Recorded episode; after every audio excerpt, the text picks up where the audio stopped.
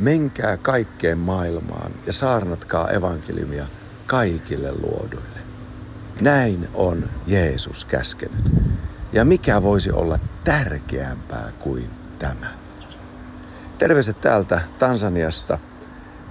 Äänitän tätä ulkosalla, kun sisällä on sen verran kuuma. Täällä vähän tuulee pikkasen ulkona. Niin täältä kuuluu myös näitä arjen ääniä ja muita ääniä, että ei ole syytä ihmetellä sitä. Mutta evankeliumi, sen saarnaaminen on käsky. Sillä sillä, kuinka ihminen suhtautuu Jeesuksen sijaiskuoleman hautaamiseen ja ylösnousemukseen, on merkitystä hänen ikuisuuskohtalonsa kannalta. Vain uskomalla ihminen voi päästä sisälle ikuiseen elämään. Hylkäämällä Jeesuksen sijaiskuoleman ja ylösnousemuksen arvottomana, epäuskoisena, ihminen tuomitsee itse itsensä kadotukseen. Hän pysyttäytyy ulkopuolella Jumalan valtakunnan. Siksi tämä sana pitää saarnata kerta toisensa jälkeen. Ja tämä on ratkaisevan tärkeä koko raamatun pääteema. Ja myöskin Uudessa testamentissa ja evankeliumeissa. Muistutan, että pääsiäisviikko on evankeliumissa Matteus, Markus, Luukas ja Johannes aivan huipputärkeällä sijalla. Siis yksi viikko ja, ja, ja tarkennettuna tuon viikon perjantai-päivä.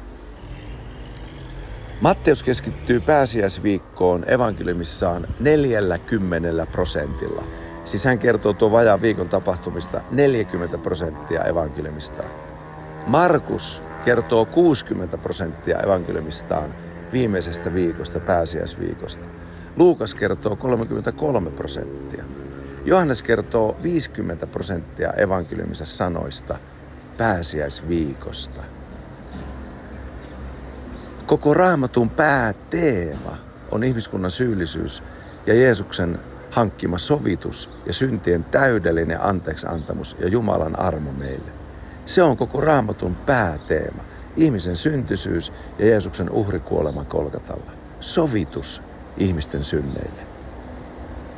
Evankeliumissa on yhteensä 89 lukua, mutta vain neljä lukua näistä kertoo Jeesuksen ensimmäisestä 30 vuodesta. 56 lukua kertoo kolmesta vuodesta ja 29 lukua kertoo yhdestä ainoasta viikosta, pääsiäisviikosta.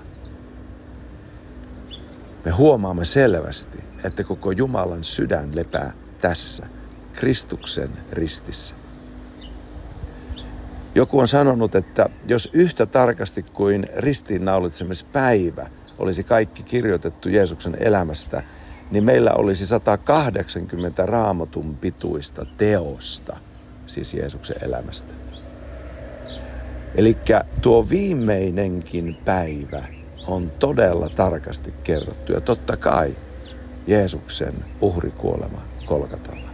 Menkää kaikkeen maailmaan ja saarnatkaa evankeliumia kaikille luodun. Mikä voisi olla tärkeämpää? Mikä voisi olla tärkeämpää rakentamista kuin tämä? Koko maa planeetalla ei tällä hetkellä löydy sellaista rakennusprojektia, ei sellaista toimintaa, joka olisi yhtä tärkeää kuin Jumalan pojan Jeesuksen Kristuksen ruumiin rakentaminen ja sen lisääminen evankeliumia julistamalla. Me vahvistamme jokaista uskoon tullutta evankeliumin saarnalla ja me annamme pelastuksen ulottuvuuden tulla lähelle ihmisen sydäntä aina saarnatessamme evankeliumia. Silloin on armo ulottuvilla ja ihminen voi pelastua aina, kun me saarnaamme.